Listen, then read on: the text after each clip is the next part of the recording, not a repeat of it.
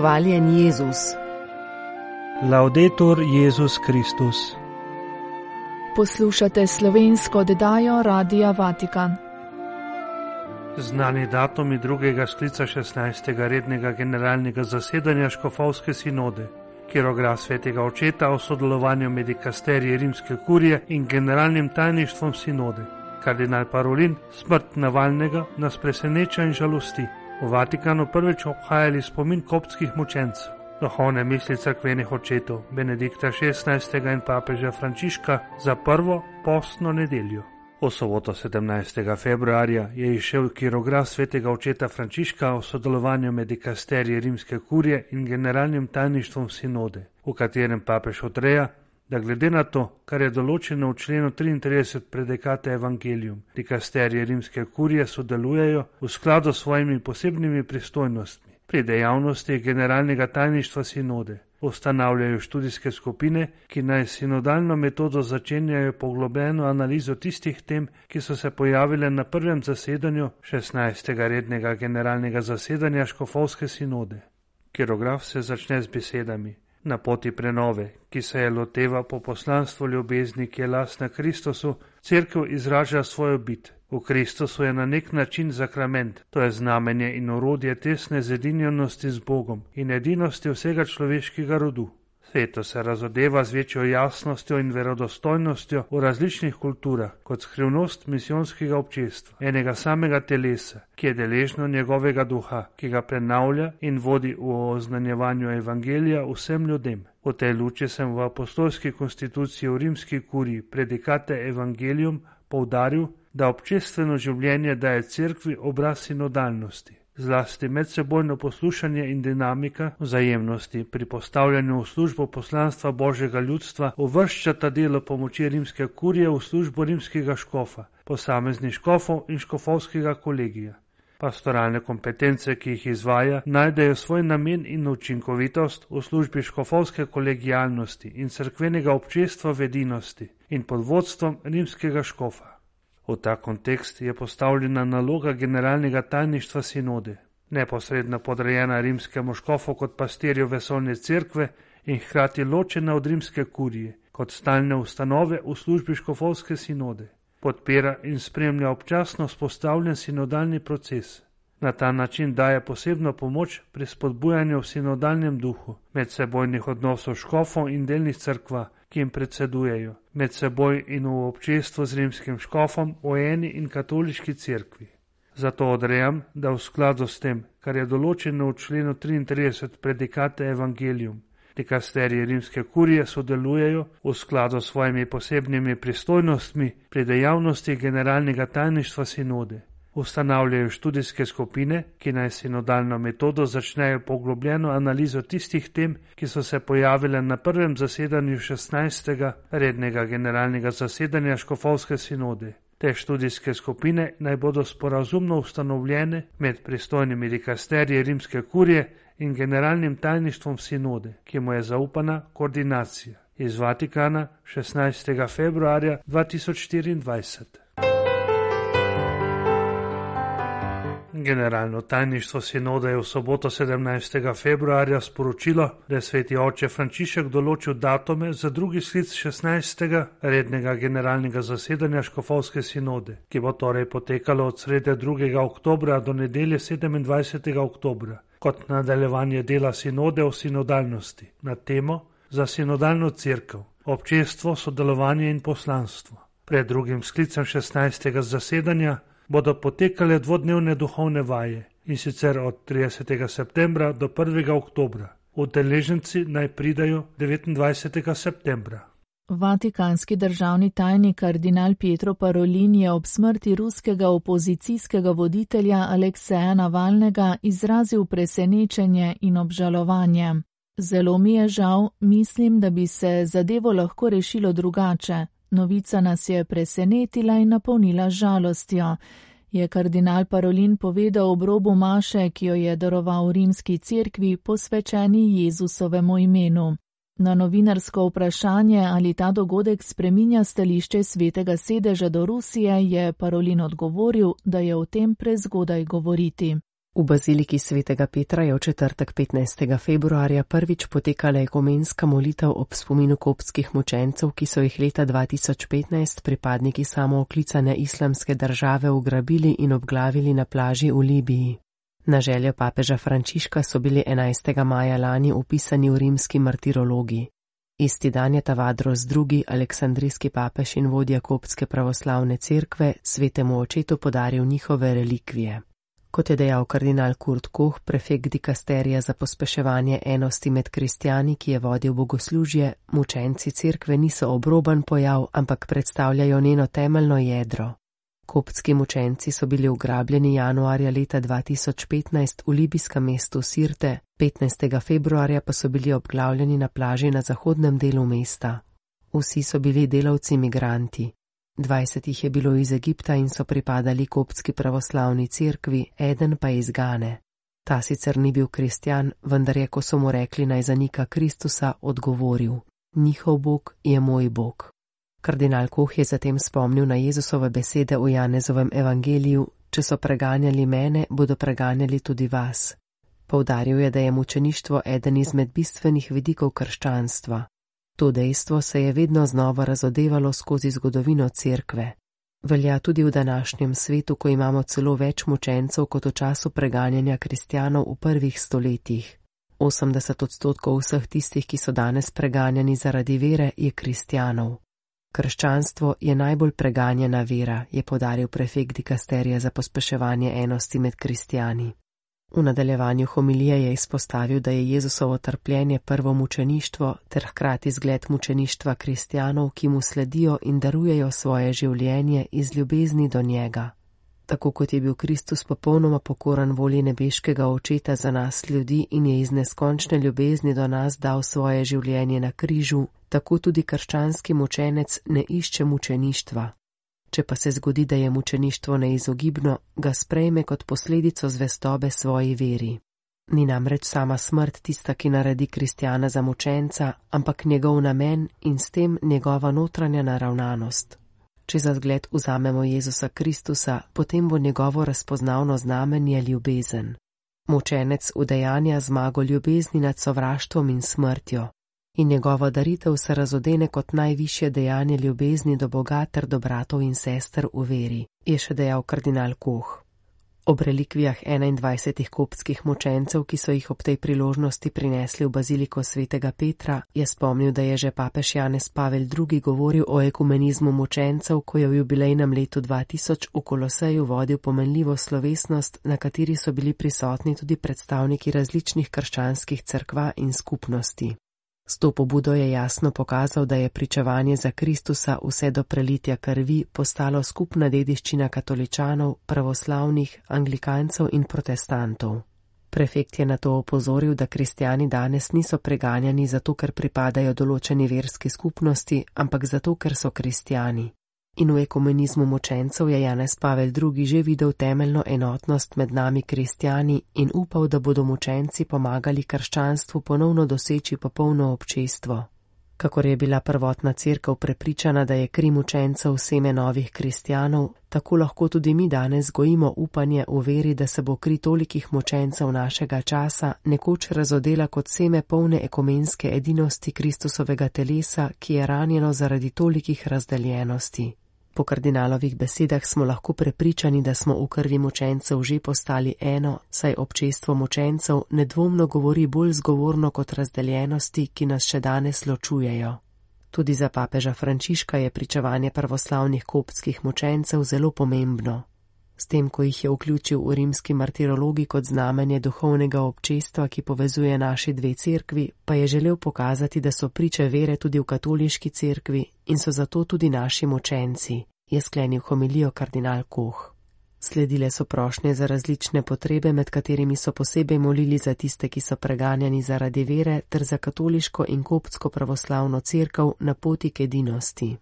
S petjem je na ekumenski molitvi sodeloval koptski pravoslavni zbor cerkve svetega Jurija v Rimu.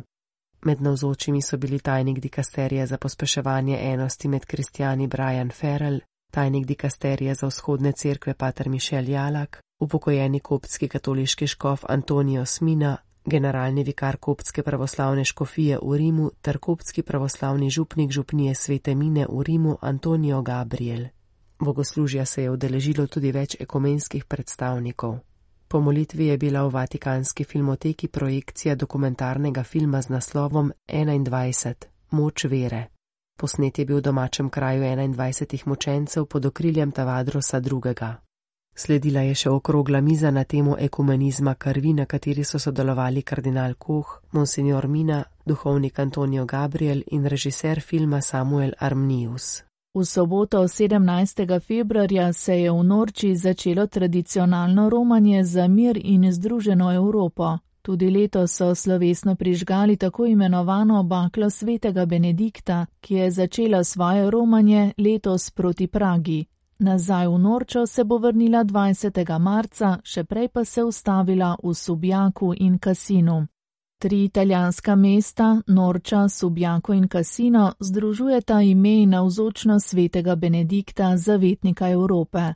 Norča je njegov rojstni kraj, v Subjaku je Benedikt ustanovil kar 12 samostanov, v Kasinu pa je napisal pravilo benediktinskega reda in tukaj je tudi pokopan.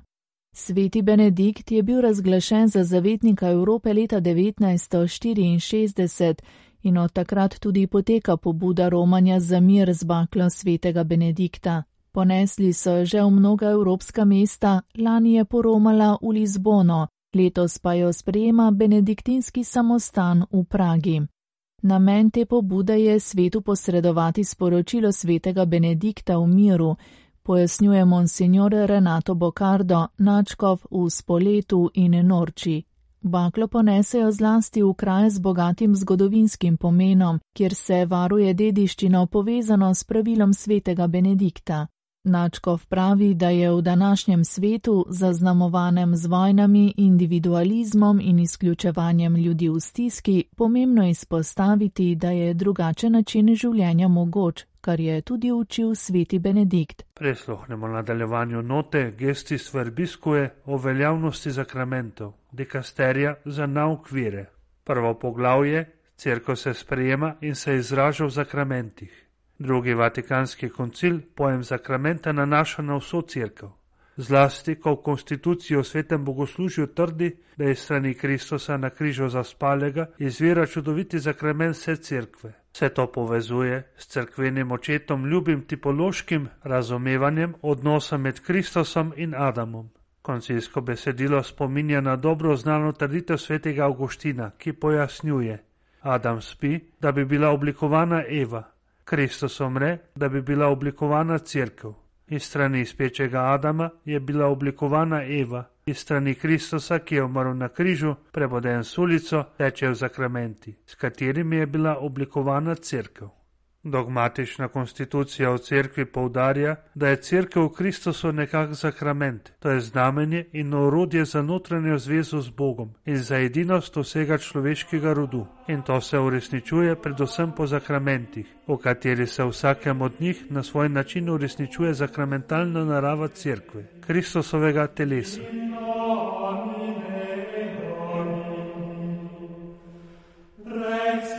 Duhovne misli crkvenih očetov Benedikta XVI. in papeža Frančiška za prvo postno nedeljo.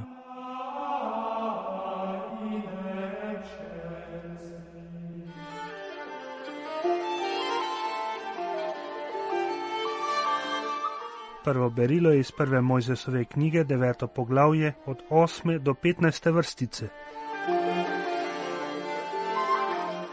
Potem je Bog rekel Noetu in njegovim sinovom: Glejte, sklenem zavezo z vami in z vašim zarodom za vami, pa tudi vsakim živim bitjem, ki je pri vas, s pticami, z živino in z vso zverino na zemlji, ki je pri vas, sploh z vsemi živalmi na zemlji, ki so prišle iz ladje. Tako sklepam zavezo z vami, da meso ne bo več pokončano z vodami potopa. Ne bo več potopa, ki bi uničil zemljo. Bog je rekel: To je znamenje zaveze, ki jo sklepa med seboj in vami in med vsakim živim bitjem, ki je pri vas, za vse prihodnje rodove. Svojo Maurico postavim v oblake in bo znamenje zaveze med menoj in zemljo. Ko zberem oblake nad zemljo in se prikaže v oblakih Maurica, tedaj se bom spomnil svoje zaveze, ki je med menoj in vami in slehrnim živim bitjem vsakršnega mesa. in ne bo več vode za potop, ki bi pokončal vse meso. Drugo berilo je iz 1. Petrovega pisma, tretje poglavje, od 18. do 22. vrstice. Saj je tudi Kristus enkrat trpel zaradi grehov, pravični za krivične, da bi vas pripeljal k Bogu, usmrčen po mesu, oživljen pa po duhu, v katerem je šel oznani tudi duhovom uječi, ki so bili nekdaj neposlušni, ko je čakala Božja potrpežljivost v Nojetovih dnevih, ko je pripravljal ladjo, v katero se jih je le malo, to je osem duš, rešilo po vodi. Ta je podoba za krst, ki zdaj rešuje tudi vas, ne kot odstranitev madeža na mesu, ampak kot prošnja k Bogu za mirno vest po vstajenju Jezusa Kristusa. On je na božji desnici, potem ko je šel v nebesa in so mu podrejeni angeli in oblasti in moči. Evangeljski odlomek je iz Markovega evangelija, prvo poglavje od 12. do 15. vrstice. Takoj na to ga je duh odvedel v puščavo. V poščavi je bil 40 dni in Satan ga je skušal. Bil je med zvermi in angeli so mu stregli. Ko pa je bil Janez izročen, je šel Jezus v Galilejo. Oznanil je Božje evangelije in govoril: Čas se je dopolnil in Božje kraljestvo se je približalo. Spreobrnite se in verujte evangeliju. Razlaga crkvenih očetov. Sveti Janez Krizostom pravi, da je kraj izkušnjav Jezusa, kakor je bil za Evo, puščava z vso svojo samoto in ranljivostjo. Sveti Gregor Veliki pa pravi, takšen pa je razvoj skušnjave. Najprej je namig, zatem uživanje v tem namigu in zatem popolna privolitev. Sveti Leon Veliki razlaga, da je Gospod hotel prestati napad skušnjavca, da bi nas svojo pomočjo branil ter svojim zgledom poučil.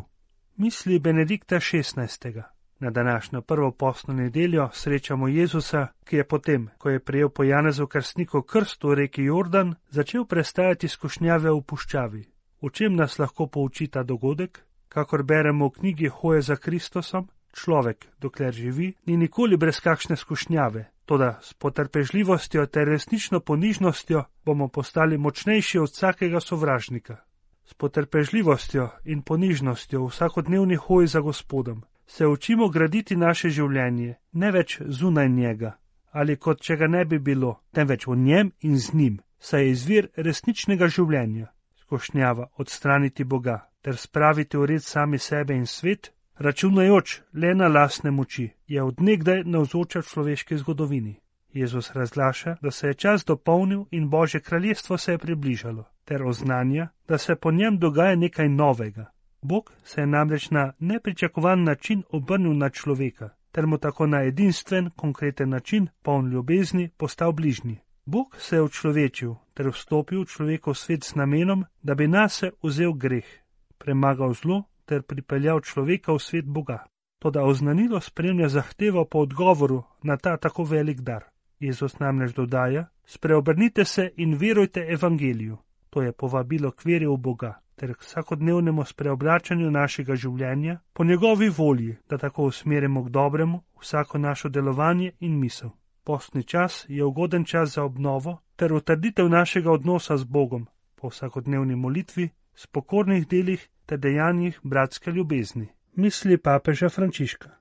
V sredo smo z obredom pepeljenja začeli postni čas in danes je prva nedelja tega bogoslužnega časa, navezujočega se na 40 dni, ki jih je Jezus preživel v puščavi, potem ko je bil krščen v Jordanu. V današnjem evangeliju sveti Marko piše: Duh ga je odvedel v puščavo. V puščavi je bil 40 dni in Satan ga je skušal. Bil je med zvermi in angeli so mu stregli. S temi skopimi besedami je evangelist opisal preizkušnjo, s katero se je Jezus hote soočil, preden je začel svoje mesijansko poslanstvo. Iz te preizkušnje, ki ga je pripravila na oznanjevanje evangelija Božjega kraljestva, pride zmagovit. Poslušali ste slovensko oddajo Radia Vatikan.